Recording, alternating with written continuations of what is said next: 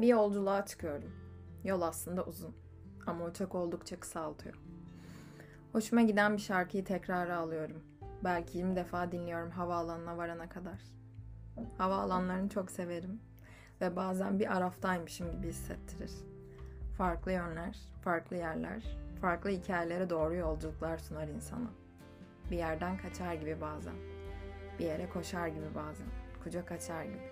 Ya da mecburi. Eve dönüş herkes için farklı olabilir. Her bağımı kopardığımda, kendi hayatımda her yeni bir adım attığımda eve dönüşler daha kolaylaşır benim için. Artık çok başka bir yerdeyim diye düşünürüm.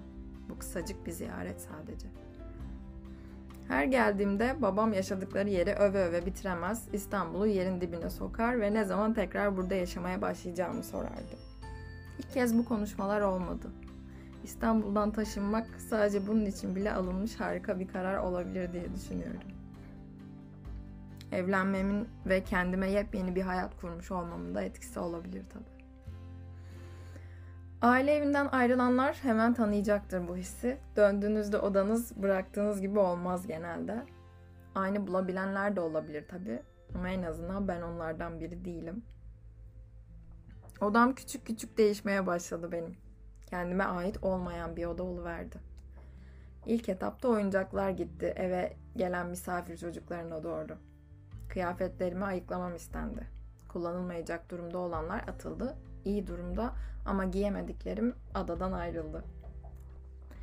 Evimiz çok sık değişirdi gerçi. Şu an bu satırları ailemin son evinden benim odamda kalan son parçalar arasında yazıyorum. Abim de uzun zaman önce gözden çıkarılmış olacak ki onun odası tamamen kapatılmış. Yatağı sağlam diye aslında benim olmayan benim odama sevk edilmiş. Benim yatağımın üzerinde katlanıp henüz yerleştirilmemiş kıyafetler ve koca bir valiz olduğu için diğer yataktan söylüyorum bunları size. Hayır, neyse ki o koca valiz bana ait değil. Ben yarın evime dönüyorum. Kendime ait odaları olan bir eve. Neyse, yatağın başlığı olmadığından dolabın üzerinden o ayıyı alıp sırtıma destek yapıyorum. Ayı oldukça yaşlanmış. Düğme burnu kopmuş. Tanırsınız o ayıyı.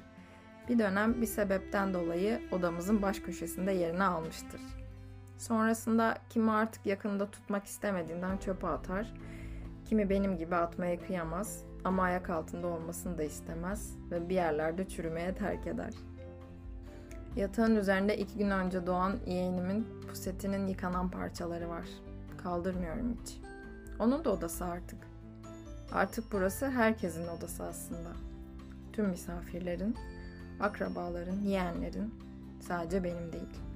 Kendime ait olmayan bir oda artık burası.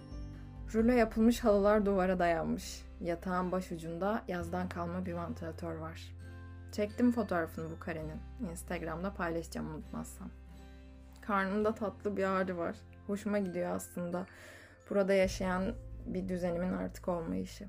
18 yaşında çıktım bu evden. 9 yılda bu kadar değişmesi çok normal değil mi aslında? Her şeyim orta boy bir kolinin içine toplanmış, dolabın üzerinde duruyor şimdi. İşim bitmiş onlarla. Arkamda bırakmışım. Annem de toparlayıp ayak altından kaldırmış. Yalan yok. Çok korktum burada çakılıp kalmaktan. Arkama bakmadan uzaklaştım hep. Ergenliğim öfke doluydu. Geçtiğim her yeri kırıp döktüm. Benden geriye çok bir şey kalmaması normal o yüzden. Çok farklı duygularla geldim bu kez buraya. Yol çok uzun olmasa da böyle hissedebilmem çok zaman aldı. Kendimle çok çalıştım. Herkese de çok dövüştüm. Uzun uzun mesajlar yazıp çıktım gruplardan. Bağıra bağıra ağladım bazen telefonlarda. İlerleyebilmem için kabul etmem gerekti. Başa çıkamadığım nice zamanlar oldu. Yardım aldım. Bu da iyileşmemi kolaylaştırdı.